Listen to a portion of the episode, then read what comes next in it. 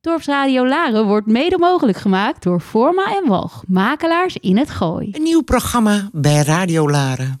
De Week van, gepresenteerd door Touw, en dat ben ik. Welkom.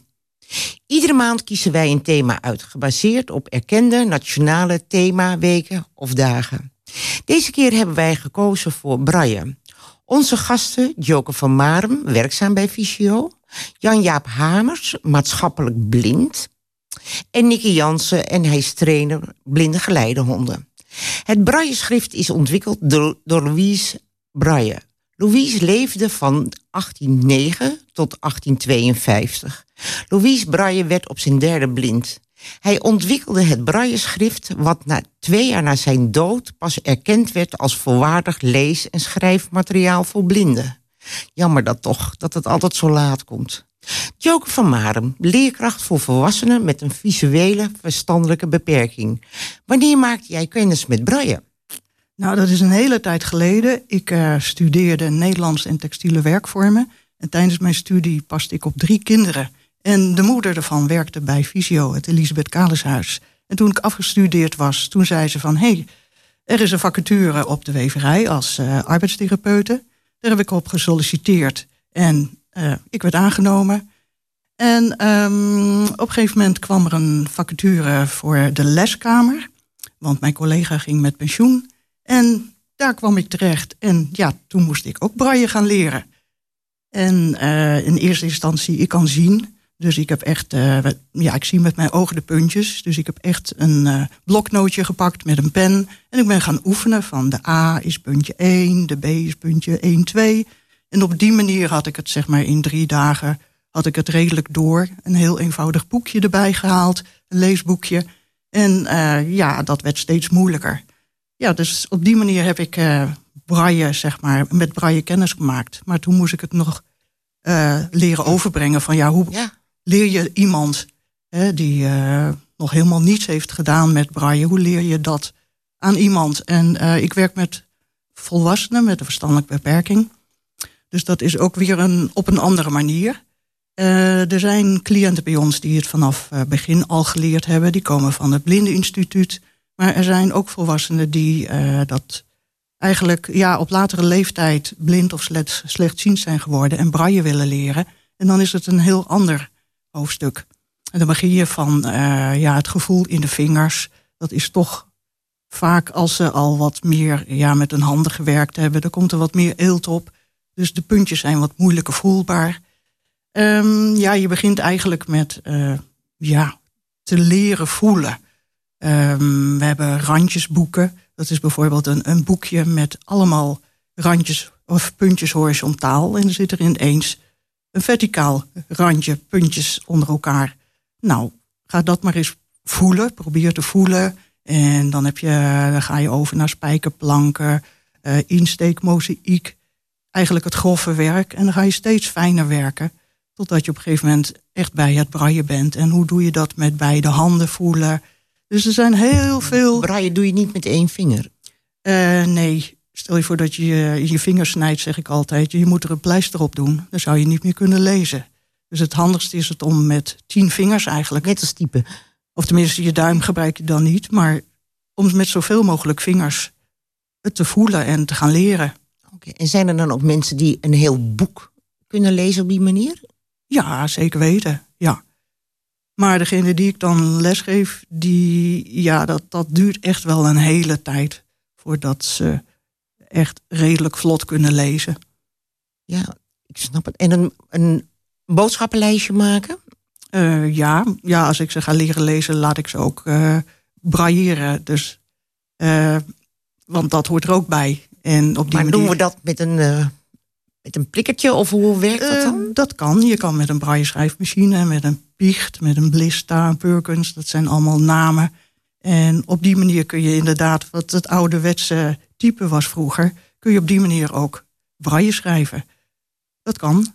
En zo komen ze aan een boodschappenbriefje en... Mm, ja, je kunt bijvoorbeeld ook uh, je kruidenpotjes labelen... of uh, andere etenswaren in de koelkast. En een heel klein uh, etiketje erop natuurlijk, want dat kan je natuurlijk ook niet zien. Oh, ja, het is toch wel. Het is toch echt wel een beperking, hè, blind zijn. Jan-Jaap, jij beheerst ook het braille? Ja, ik heb in 2017 het braille-schrift geleerd. En ik werk dan met het uh, zespunts braille systeem. Dat is zeg maar het braille systeem voor het, het zwart schrift. En dan heb ik ook nog het achtpunts braille systeem. Dat is zeg maar computerbraille. Want in de tijd van Louis Braille hadden ze de hashtag en het apenstaartje nog niet. Dus die, die heb ik later ook bijgeleerd. En in mijn werk gebruik ik braille om nou ja, stukjes terug te lezen als ik teksten uitgewerkt heb. En verder gebruik ik braille voornamelijk voor medicijndoosjes om te voelen dat ik het goede medicijn te pakken heb als ik een paracetamolletje nodig heb. Of, uh, nou, Die zijn van huis uit allemaal gebrailleerd? Of hoe ga alle, Nederland, alle medicijnen bedoeld voor mensen moeten in doosjes zitten die gebrailleerd zijn. Ja. Oké, en dat kan je allemaal gewoon feilloos lezen? Goed genoeg. Ik uh, zal geen snellezer worden in Braille. En ik moet ook eerlijk zeggen, als ik een boek ga lezen, dat ik mijn voorkeur geef aan een luisterboek. Maar voor het, het, het, wat uh, weet ze net aangaf. Joken. Joken. Voor het, het, markeren van kruidenpotjes. En nou ja, goed, de medicatie dat ik net al aangaf. Ja, daar gebruik ik Braille voor. Hoe beleef jij een film, Jan-Jaap? Um, hoe beleef ik een film? Nou, over het algemeen luister ik. Ik ben uh, de Engelse taal ook redelijk goed machtig. Dus uh, ik, ik, versta goed wat er gaande is. de geluiden vertellen ook een hele hoop. Ehm, ja, daarbij selecteer ik wel. De, ik was vroeger, mocht ik graag naar Star Wars kijken. Maar dan heb je een hele hoop computeranimatie en schietgeluiden. Dus daar kan je niet zoveel mee. Maar als zo'n film zoals Murder on, on, the Orient Express of Murder on the Nile ja, dat zijn gewoon echt detective verhalen en dat is heel goed te volgen. Oké. En heb je dan ook een audiodescriptie? Daar kan ik gebruik van maken, alleen die zit vaak naast mij op de bank. Oké. en die klinkt toch een stuk vriendelijker in de oren dan een geautomatiseerde stem. Of een uh, stem van een ander. Uh, nee. Oké, dankjewel. Waar, waar ik wel gebruik van maak is bij de NPO, die zendt ook gesproken ondertiteling uit. Bijvoorbeeld bij het nieuws. Als dan een, nou ja, een, buitenlandse minister, die neem Erdogan of neem Poetin de laatste tijd veel in het nieuws. Dan wordt de ondertiteling uitgesproken in het Nederlands. Dat is wel heel plezierig. Dat snap ik. Wij gaan even naar Golfplay luisteren. Fi la vida.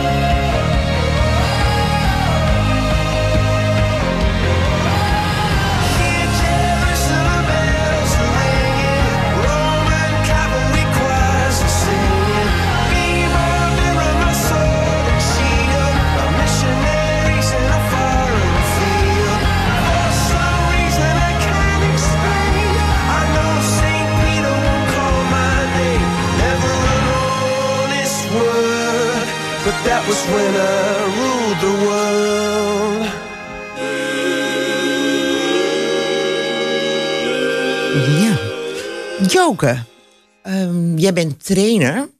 Wat train jij nog meer aan je...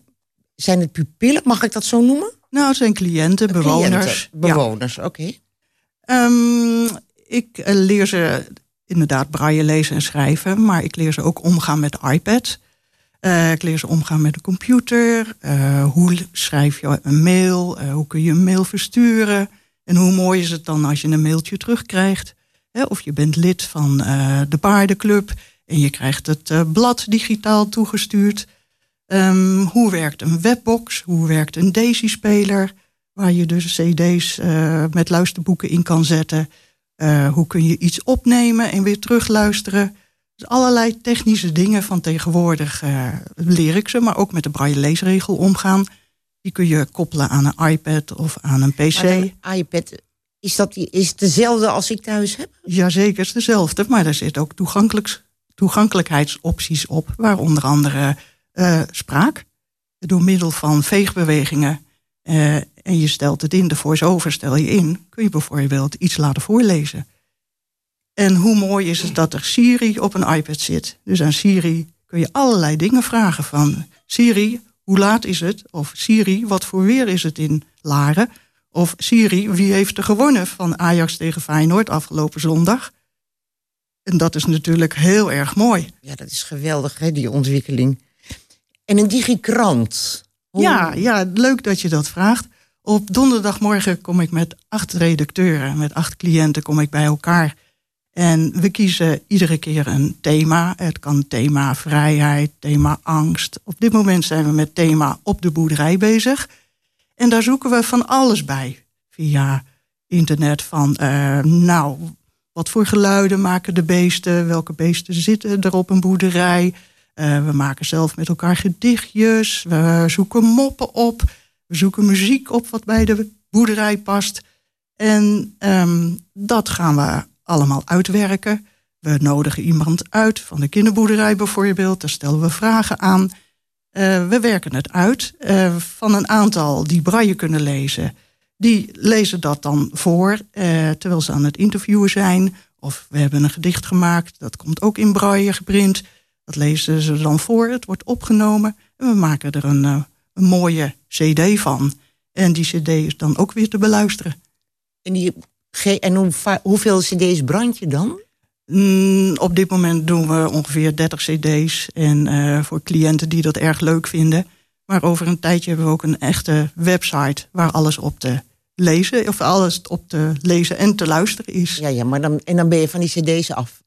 Uh, nee, de cd's blijven, want een heleboel cliënten die hebben toch een uh, Daisy-speler en vinden het heerlijk om ernaar te luisteren. En ze kunnen luisteren wanneer ze dan willen. Ja, dat is waar. Dat is waar. Heb je ook iets met mode? Mm, nou, uh, met mode, ja, ik ben eigenlijk ik ben helemaal gek van sport. Ik doe heel veel aan sport. Ik heb in het Nederlands zitvolleybalteam gezeten, heel erg lang. En op dit moment doe ik heel veel aan paratriathlon. En ja, sport is voor mij, of mode is voor mij eigenlijk mijn sportkleding. Daar, ik ben gek op kleurtjes en. Even terug, even terug. Para. Olympische Spelen heb ik meegedaan, vier keer. Oké. En ja, in het zit, Nederlands dames zitvolleybalteam heb ik gezeten. Heel lang, 25 jaar. En in Beijing, in Londen, in Rio en Athene geweest. Oh, niks met braaien, maar toch een, een andere beperking. Nou ja, op die manier. Je komt ook uh, uh, ja, sporters tegen met een visuele beperking. En uh, wat gewoon heel bijzonder was in China, dat er eigenlijk heel weinig sporters waren met een, een, een, een, een hulphond, met een blinde geleidehond. Dat kenden ze bijna niet in China. Dus toen wij met de Paralympische ploeg kwamen daar met heel veel Paralympische ploegen, waren er ineens heel veel blinde geleidehonden. En ja, dat, dat was wel heel uh, openbaring voor de Chinezen, zeg maar. Want die hebben niet een hond als huisdier. Uh, nou, een, een blinde geleidehond, dat, dat kenden ze niet zo goed. fenomeen kennen ze niet. Nee, maar sinds de Paralympische Spelen in Beijing zijn geweest... zijn er veel meer blinde geleidehonden daar. Dus dat is wel een hele mooie ontwikkeling geweest. Mickey, dan komen we bij jou. Ja. Ja, blinde geleidehond trainer. Ja. Wist jij dat? Dat ze in China niet zoveel blinde geleidehonden hebben? Dat, dat wist ik, ja. Eh, een van mijn beste vrienden is toevallig Chinees. En die komt er ook vandaan. Dus eh, ik weet dat daar... eh, weet je, als je kijkt naar, naar steden als Shanghai, Beijing... die zijn zo immens groot en zo immens druk. Dat is ook voor een hond niet altijd te doen. Zulke, zulke drukte, zulke extreme omstandigheden. Ehm, dus het was daar nog niet echt populair qua eh, toegankelijkheid eh, voor blinde geleidehonden. Ook was het nog niet, niet echt geaccepteerd daar qua eh, openbaar vervoer, winkels, dat soort dingen. Dus de laatste vier, vijf jaar komt het wat meer daardoor. Ook vanuit Japan. Waardoor het meer toegankelijk wordt. Maar het is, het is, qua hoeveel mensen daar zijn, is het, zijn het weinig, weinig ja, echt uh, geleidehonden daar, officiële. Ja, ja. Maar eventjes helemaal naar het begin. Een blinde geleidehond. Ik heb een pup. En dan? Nou ja, ehm, bij onze school, uh, wij hebben een eigen fokprogramma. Uh, dat betekent wij hebben ons eigen fokteven, ons eigen dekreuien. Um, die, dus wij fokken alles zelf. Uh, de puppies die gaan met zeven weken de deur uit, zeggen we dan. Gaan ze naar gastzin. Tot ze ongeveer een jaar zijn, een jaar en twee maanden. Dan komen ze bij ons in de kennel. Uh, daar zijn we gemiddeld een halfjaartje bezig met uh, nou ja, het aankleden van het echte blinde geleidewerk. Uh, dus de loop in de beugel, aangeven stoepen, het zoeken van pinpalen, dat soort dingen. En dan gaan ze naar de, naar, naar de, naar de cliënt om daar die, die persoon te gaan begeleiden. In vogelvlucht. ja, ja. Maar dan, um, als ik nou, want die, zo'n beest moet een jaar zijn voordat je kan gaan trainen? Nou ja, waar het om gaat dat een, een blinde geleider moet gekeurd worden op zijn gezondheid en op zijn heup en ellebogen. Ja. Uh, en dat kan pas met een jaar gebeuren, noem je röntgen. En dan wordt geke gekeken of de, of de ellebogen en de heupen goed zijn. Uh, of ze geen HDNED hebben, geen afwijking, dat soort dingen. Uh, en ze moeten worden gecastreerd of gesteriliseerd in Nederland. wat ook pas kan na een jaar, vanwege de gezondheid van de hond. Ja, ja. Dus sowieso, en sowieso in het eerste jaar worden ze bij het gezin, worden ze, krijgen ze alles, alle socialisatie, moeten ze overal wennen, trein, trams, drukte, dat soort dingen. Wat in het eerste jaar dus gewoon heel uh, wat, ja, wat bij het gas in gebeurt en wat moet gebeuren. En het, het, lijkt me zo erg, dan krijg je dus een jaar een hond en dan moet je hem teruggeven. Ja, nou ja, dat zeggen heel veel mensen. Het lijkt me heel moeilijk. Alleen het verschil is natuurlijk dat je hond, ja, het we zeggen dat je hond gaat niet dood. En mensen hadden van, joh, je moet, ik moet afscheid nemen, maar het is niet dat je hond, dat je hem nooit meer ziet. 9 van 10 keer is de uiteindelijke gebruiker, die wil dan nog wel contact met, uh, met gastzin. Om te zien van, joh, uh, waar heeft hij eerst jaar gezeten? Ja, hoe gaat dat dan? Wat heeft hij allemaal geleerd bij, bij het gastzin? Uh, nou ja, dus je ziet waar, waar je het voor doet. Je ziet vaak de filmpjes en foto's dat hij aan de werk is. Dus het is niet dat je afscheid neemt en je hond nooit meer ziet. Nee. Uh, daarbuiten heb je ook heel veel mensen die vinden het gewoon kijken als een tussenfase. Dat zeggen van, joh, uh, ik ben bijvoorbeeld ouder al en ik wil, ik wil niet dat mijn hond mij overleeft. Uh, dus ik denk van, nou dan neem ik een hond van een jaar en dan kan ik elk jaar weer kijken, okay, doe ik het nog een keer of niet? Uh, nou, we hebben zelfs mensen die het nu al voor de vijftiende keer doen. Dus voor 15 jaar achter elkaar van onze pup hebben in huis. En word je, word je een beetje gekeurd voordat je zo'n hond krijgt?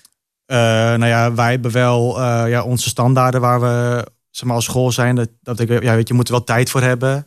Um, het, het, kost heel veel, het kost heel veel tijd. Je moet heel veel eigen tijd insteken. Um, dus het zijn wel dingen, niet iedereen kan het doen. Ja, nee. Als jij zegt van, joh, ik werk uh, negen uur per dag en ik heb dan geen tijd voor de hond. En dan moet hij op een kantoor zes uur lang stilzitten. Ja, dan zeg je, ja, dat heeft het geen nut. Dus je moet er wel tijd voor hebben, tijd insteken. Het is wel, uh, het is wel een heel ding waar je doorheen moet met de pup. En heb je dan ook genoeg gezinnen waar ze dan terecht kunnen? Nou ja, we hebben nu net hebben drie nesten naar, naar gaszinnen gebracht. Dat was wel een, heel, een hele uitdaging om voor 30 pups gaszinnen te vinden tegelijk. Het is wel gelukt, maar eigenlijk, we zijn altijd op zoek naar gaszinnen ehm, ja, om toch te kijken van joh, kunnen we een pub uitzetten? Uh, hè? Zijn er mensen die nog geïnteresseerd zijn? Dus we zijn eigenlijk altijd wel op zoek naar iemand die dat leuk zou vinden om te doen. En je vindt ze ook altijd weer. Want 30 pubs. Ja, nou ja, weet je, we waren, waren helaas de pech dat we drie teefjes achter elkaar leeg hadden. Uh, nou ja, wat voor een geleidehondschool voor ons, nou ja, voor ons formaat best wel heel veel is. En toen die, die teef achter elkaar in één keer wel, uh, wel raken en ook goed, uh, goed vol. Ja, duidelijk, ja. Dus, maar het, het, was, uh, het was best wel een hele, een, hele, ja, een hele organisatie om dat allemaal voor elkaar te krijgen. Maar ja, we hebben gelukkig heel veel ja, mensen om ons heen die ons daarmee geholpen hebben. En die ook in een buurt gezegd van joh, zoeken nog gasten in. eh, dus we hebben het eh, met heel veel werken voor elkaar gekregen, gelukkig. Zo. En hoe lang blijft een blinde geleidehond dan bij zijn? Ja, noem je dat baas? Of, eh, Ja, ehm, het gaat via de zorgverzekeraar, eh, een blinde geleidehond. Eh, officieel gezien moet hij zes jaar kunnen werken. Na zes jaar mag je dan met pensioen. Vaak werkt hij wat langer. Meestal ze- zeven of acht jaar en dan gaat hij met pensioen. en dan is die negen dus. Ongeveer, ja. Want, of hoe lang train je dan? Want je krijgt, ze- ze zijn een jaar weg. En dan, Ja. hoe lang train jij ze intensief zodat ze weggezet kunnen worden? Ongeveer een half jaar. Ja, ja. Dus. Dus dat zijn ongeveer anderhalf, een jaar en tien maanden dat ze weggaan. En welke honden hebben we het dan over? Nou ja, wij hebben als school zijn er voornamelijk Golden Doodle. Dat is de kruising tussen de Golden Retriever en de, en de poedel. Eh, we hebben ook poedels ehm, en een klein beetje Golden Retriever, Labrador en oud-Duitse herder. Nou, bij ons is 80% eh Golden Doodle. Eh, ook vanwege de, ja, het anti-allergeen. Anti-allergeen is een beetje een groot woord, want je kan er alsnog wel allergisch voor zijn, maar de kans is zeer klein. Ja, ja. En dat komt door de huidschilfers of door Ja, de dat komt omdat ze niet verharen. En, maar je bent inderdaad je bent niet allergisch voor het haar, maar voor de huidschilfers. Alleen eh, bij een doedel, omdat ze niet verharen, komt er gewoon heel weinig los. Ehm, en ook zijn die huidsels net wat anders, waardoor de meeste mensen daar, daar niet op reageren. Nee, nee, maar dat, er wordt, moet een hoop geborsteld worden dan. Eh, nou ja, borstelen en, en een doedel moet worden getrimd eh, vier keer per jaar ongeveer. Net zoals de poedel. En een kruising moet ook geknipt. Of, ge- Als de vacht zo is, ja, het is, je hebt gewoon verschillende soorten vachten. En eh, ja, als je wat een, een, een, lang- een langere vacht hebt, dan hoeft dat niet worden getrimd. Maar een, een hond met krul, die moet wel worden getrimd. Anders krijg je een, een verveelde vacht als je dat niet trimt. Dat betekent dat de vacht in elkaar gaat zitten en krijg je klitten. En dat is voor de hond niet fijn, net zoals voor de mens niet fijn is als, heel, als je haar heel erg klitten. Dus dan moet het worden geschoren, net zoals, een mens aan, als, net zoals een mens Ja, naar de kapper gaat. honden houden niet van de redlocks, duidelijk. Nee, nee. Goed. Ehm, hoe kijkt de maatschappij naar jou, Jan-Jaap? Eh, ik hoop met twee ogen. Maar ehm, laat ik het zo zeggen. Ik ervaar nog wel eens dat mensen het wel eens lastig vinden. Van, hé, hey, die jongen ziet het niet. Eh, moeten we nou helpen of niet? Of eh, ja, soms hebben ze het niet eens door. Dus dan lopen ze bijna pontificaal tegen me aan. En dan krijg ik de, de term van... Oh, sorry, ik had u niet gezien. Nou, meestal is dat mijn tekst, zeg ik dan altijd maar. Eh, ja, en verder, ja, weet je, ehm, wat ik zelf ervaar, ik heb zelf ook een geleidehond. En ehm, ja, mensen weten ook niet goed hoe ze zich met een, bij een geleidehond moeten gedragen. Of ze nou wel of geen aandacht eh, eraan mogen besteden. Ehm, Dat mogen we toch niet? We mogen officieel toch- mag het niet, staat ook op de beugel. Alleen ja, soms, eh, ik heb een hele mooie grote eh, zwart-witte harlekijnpoedel. En dat is nogal een, eh, een mensenmagneet. Dus eh, ja, soms staan er al mensen naast je te aaien zonder dat ze... Oh, sorry, ik mag niet aaien, ik zie het nu pas.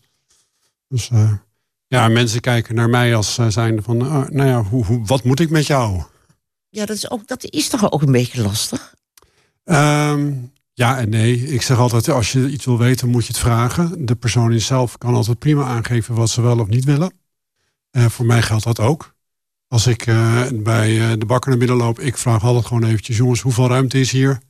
Uh, want met COVID mag er maximaal twee, drie mensen binnen staan. Nou ja, dan, krijg je, dan hoor je vanzelf wel terug of er twee of drie mensen zijn... en dan stap ik gewoon naar binnen. En dan hebben mensen iets van, oh ja, eigenlijk kan je er gewoon mee omgaan als een gewoon mens. En dat ben ik in principe ook, hè. Ja, ja, maar dat, dat stoep je op en breek je je nek niet. Daarvoor heb ik de hond. Oké, okay, die, die begeleidt jou zo ja. strak? Ja, die staat bij de stoepranden stil. Uh, commando zoekt zebra, dan zoekt hij het zebrapad op. Uh, nou ja, als ik uh, zeg van, zijn we klaar? Gaan we over? Nou, dan gaan we over met z'n tweeën. En ja, als ik in de buurt ben van, van bijvoorbeeld de bakker... dan zeg ik, zoek ingang links. En dan weet hij ook van, nou. En ik heb de route vaak ook een naam gegeven. Dus als ik inderdaad naar de bakker ga, dan loop ik bij mij de voordeur uit... en dan zeg ik, Milo, want zo heet mijn hond... we gaan naar de bakker. En dan weet hij eigenlijk al welke kant we op gaan. En als ik zeg, uh, Milo, we gaan naar de slager, dan weet hij de route zelf te vinden. Want daar krijgt hij een plakje worst. En ook daar mag hij naar binnen. Oké. Okay. We gaan weer een stukje muziek luisteren. Tak tak, live is what, it may, what you make it.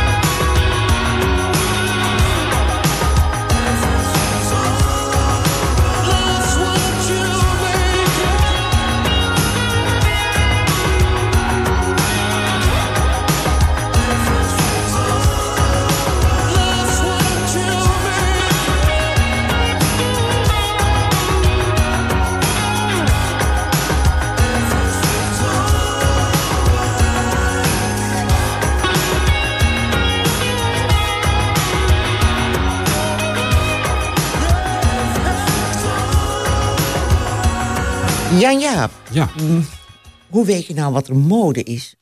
hoe weet ik wat mode is? Ehm, nou ja, goed, ik, eh, als ik mode ga of als ik kleding ga halen, gaat mijn vrouw sowieso met mij mee. Ja, En eh, ik vertrouw eigenlijk ook op de winkelier waar ik op dat moment naar binnen stap. Dus eh, als dat bij een, een, een kledingzaak is waar ze voor mij spijkerbroeken hebben. Ik heb een beetje een lastige maat. Ik ben lang en slank. Dus eh, nou ja, dan is het wel, eh, dan word ik er wel geadviseerd door de winkel. En eh, ja, ik heb zelf wel een idee van bepaalde kleuren staan mij goed. En bepaalde andere kleuren, daar heb ik zelf wat minder mee. Momenteel, ik heb nu een groene broek aan. Of het in de mode is, weet ik niet. Maar het is een groene spijkerbroek. En ik heb daarbij een wit overhemd aan. En ik vind zelf dat dat goed bij elkaar past. En dat, dat heb je dan verzonnen. Want heb je een idee wat, voor, wat groen voor kleur is? Jazeker. Ik heb eh, zelf in het verleden gewoon kunnen zien. Dat is gewoon, eh, ik, ik ben slechtziend geweest, maar ik heb gewoon kleuren kunnen waarnemen. Dus eh, ik weet wat een kleur is. Ik weet wat rood is. Als je mij een, een rode roos geeft, dan heb ik daar gewoon een beeld bij. Als je volledig blind geboren bent en je hebt nooit kleuren kunnen zien, dan is een kleur iets wat niet, te- niet te bevatten is. Nee, dat is heel lastig. Hè? Want hoe doe je het dan met je interieur? Ben je dan ook... eh, Nou ja, sowieso gaat het in overleg met mijn vrouw. Hè. Ik woon er niet alleen. Ehm, ja, ik zelf ben heel erg. eh, ik hou van rustige tinten. Dus ik zoek al gauw in de natuurlijke kleuren. Dus eh, de houtkleuren, beuken, eiken. En nou ja, mijn vrouw die geeft dan aan of het goed bij elkaar past of niet. Zelf heb ik. Vaak zit ik zelf al wel in de goede richting hoor. Dus dat gaat goed samen. en je gaat ook gewoon mee de winkel in. Ja, ja, ja, ik ga ook gewoon mee de winkel in. Ook als mijn vrouw kleding gaat halen. Eh, ik zie dan wel niet of eh, de kleurencombinatie goed is. Maar ik kan wel voelen of de pasvorm goed is. En ik voel ook waar de, de, de jurk of de, de trui plooit. Dus eh, ik kan dan aangeven van nou, de- deze is, staat je wel goed en deze staat je minder goed. Want hij plooit gewoon op een aantal plekken niet zo mooi. Oh, geweldig. Ja, dat is toch bijzonder. Hoe blijf jij in shape, Jan-Jaap? Eh, nou, ik heb een geleidehond. Dus ik, eh, ik wandel sowieso iedere dag anderhalf uur met de hond eh, door het bos. En daarnaast alles wat ik doe, moet ik lopend doen. Dus als ik naar de kapper ga, dan ga ik lopen. Want ik kan niet fietsen. Dat is gewoon, ja, ik heb vroeger wel gefietst, maar ik kan het gewoon niet zelfstandig. Autorijden is, ja, laten we dat ook maar niet Nou, doen. nee, no go. Nee, gevaarlijk. doe dat, nee, doe dat nou maar niet. Dus alles wat ik doe, moet ik lopend doen. Dus ik beweeg best wel veel. Ik, ik loop al gauw 10 kilometer op een dag. Oké.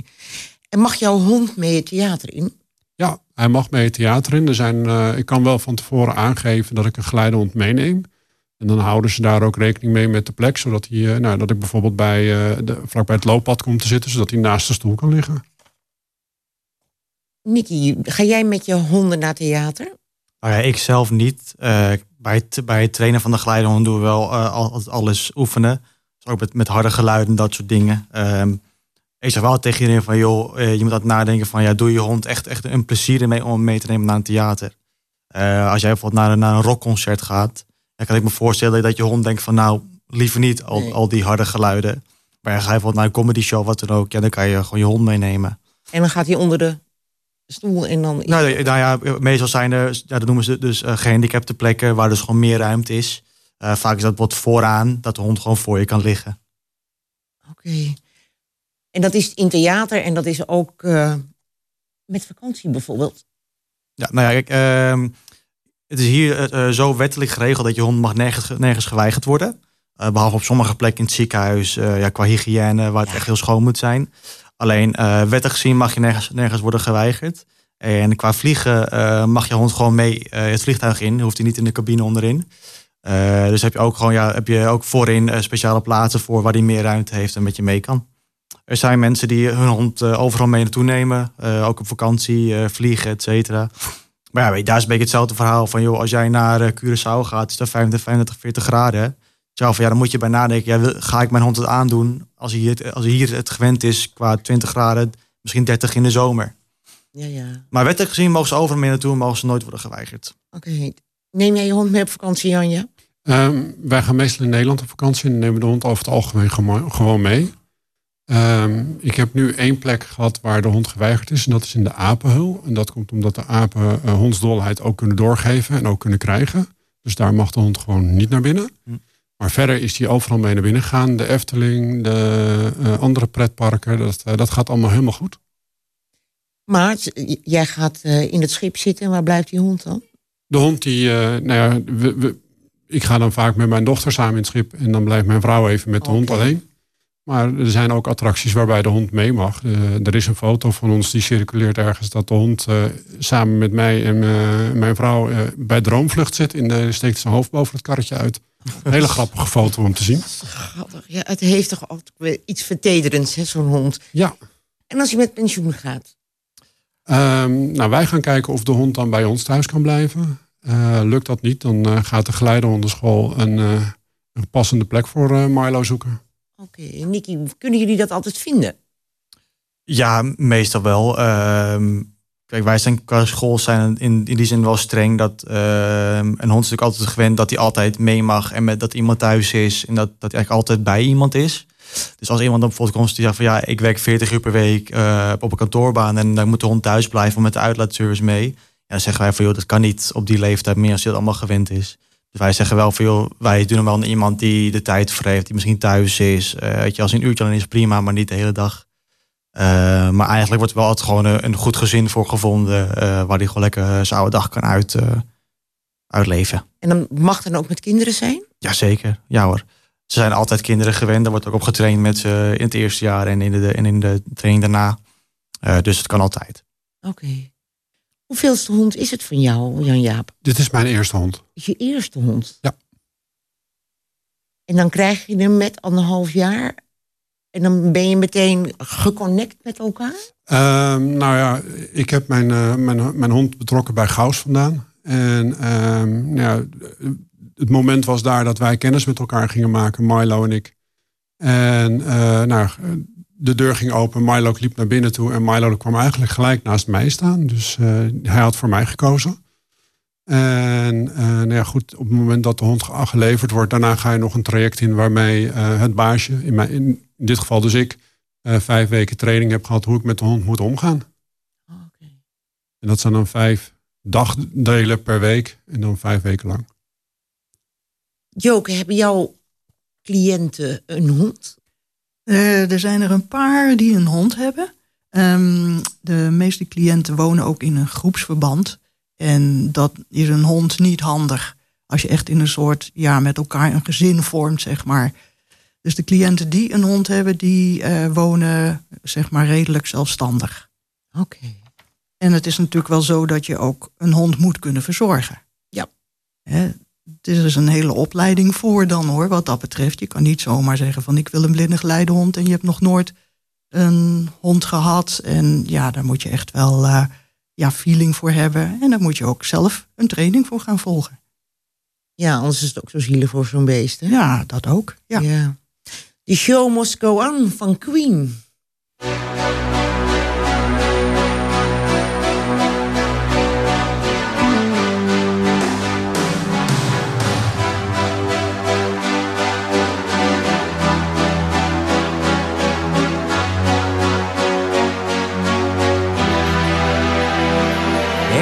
Spaces, what are we living for? Abandoned places, I guess we know the score. On and on, does anybody know what we are looking for? Another hero, another mindless crime behind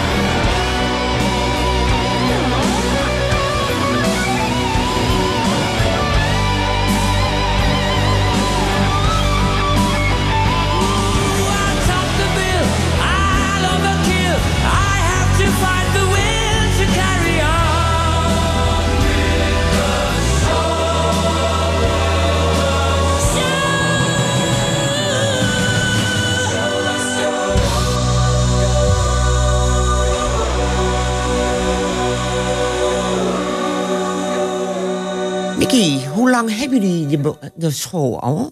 Nou, mijn ouders zijn er begonnen in 97. Eh, toen ben ik ook geboren. Ehm, eh, mijn vader is nu inmiddels al 40, 45 jaar geleden hondentrainer. En mijn moeder ook al eh, een jaartje of 30. Ehm, en dus sindsdien eh, is, er is gaan opbouwen. Nou, ik doe het nu zes jaar, sinds mijn achttiende. Ja. Eh, en wij zijn echt ja, een, een familiebedrijf. Eh, ik zit, doe het samen met mijn ouders en met mijn broer.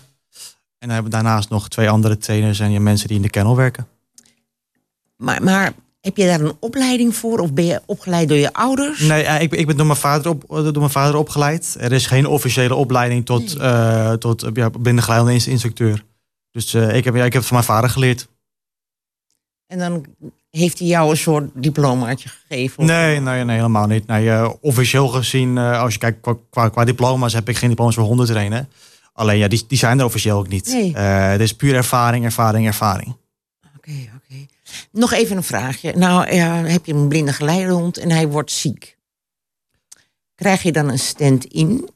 Ja, het kan gebeuren, maar eh, nee, er is geen stand in. Kijk, sowieso, kijk altijd veel, wat, wat is er met de hond aan de hand? Waarom is hij ziek? Eh, Kan die genezen worden, et cetera?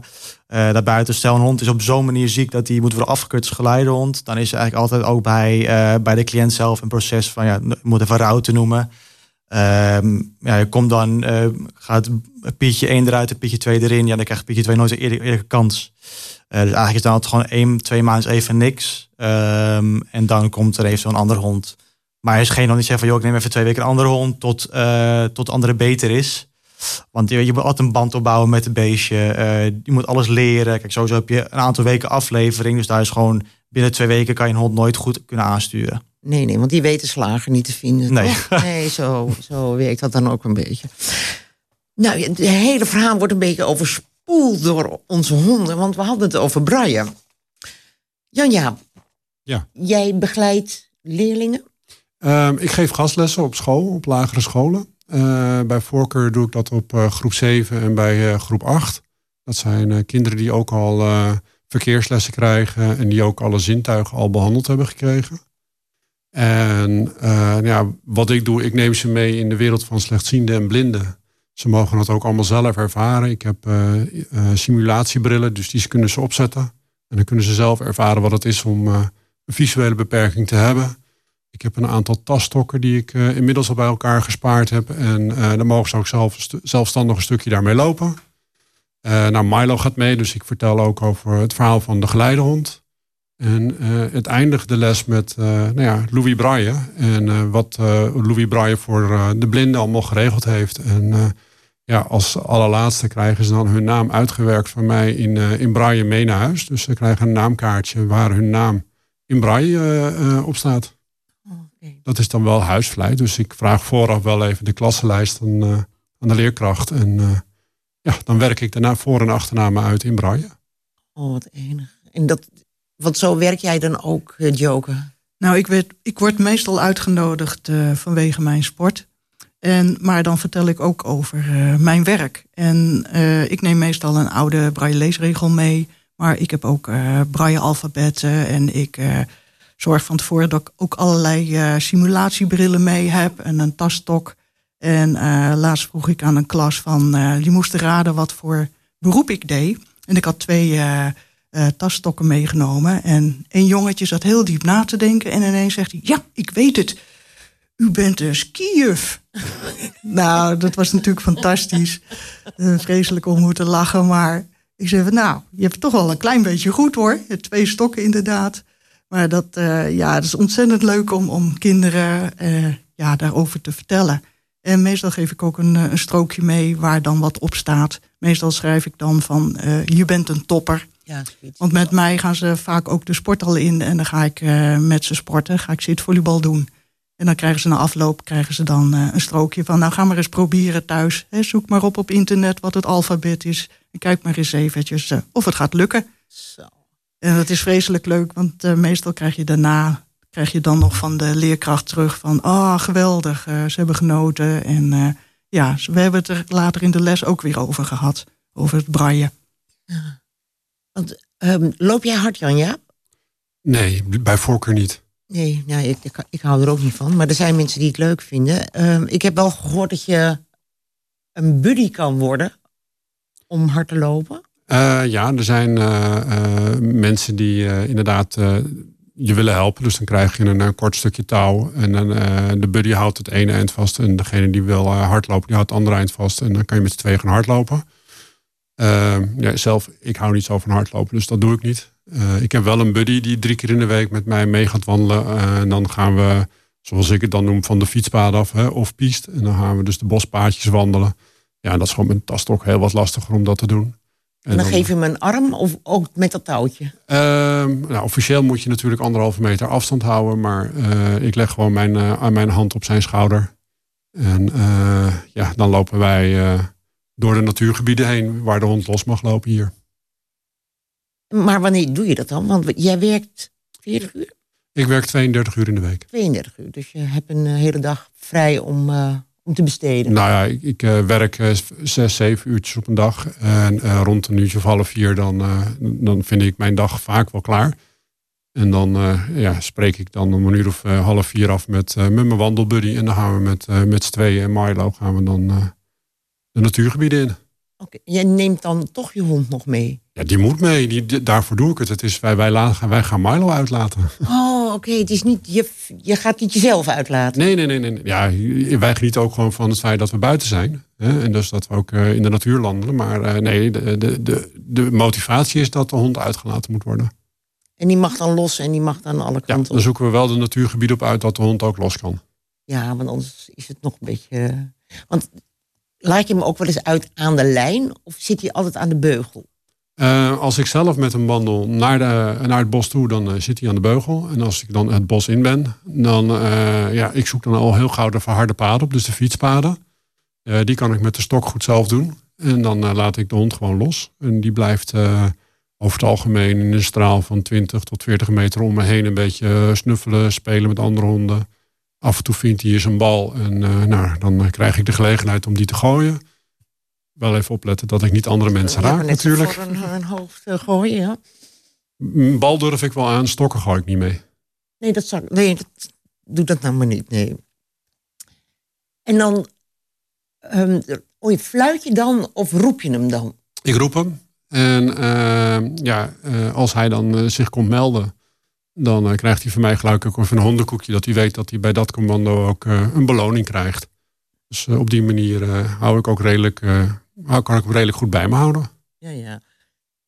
Heeft iedere hondenbezitter een zak met koekjes bij zich? Ik weet het niet. ik wel. en ik voer ook alleen maar mijn eigen hond. Ik vind het ook niet goed als andere mensen mijn hond voeren, want dan gaat hij naar de verkeerde mensen luisteren. Dus nee, Milo is mijn hond en ik ben de hand die voedt. Oké, okay, en jij, jij bepaalt hoe, wat of welk. Ja, zolang, en het gebeurt wel eens dat ik het niet zie en dat het dan wel gebeurt. Hè, want dat, dat is dan een stukje vertrouwen wat je moet hebben in de, in de andere hondengebruikers, dat zij geen honden voeden of geen honden voeren. Maar ja, sommige mensen kunnen het toch niet nalaten en doen het dan toch. Uh, dat heb ik niet onder controle. Dat, uh, ja, zeker als dat op een afstandje van mij gebeurt, dan kan ik dat niet waarnemen. Nee, nee.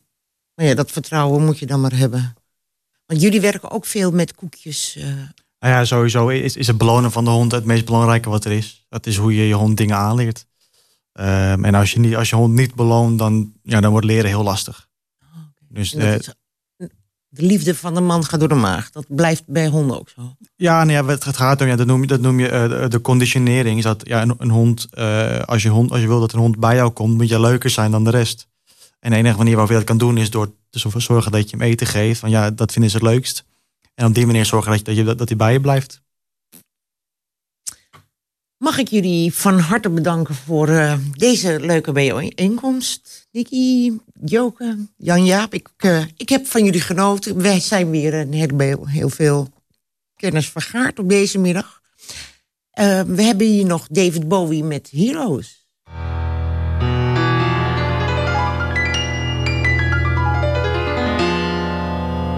At first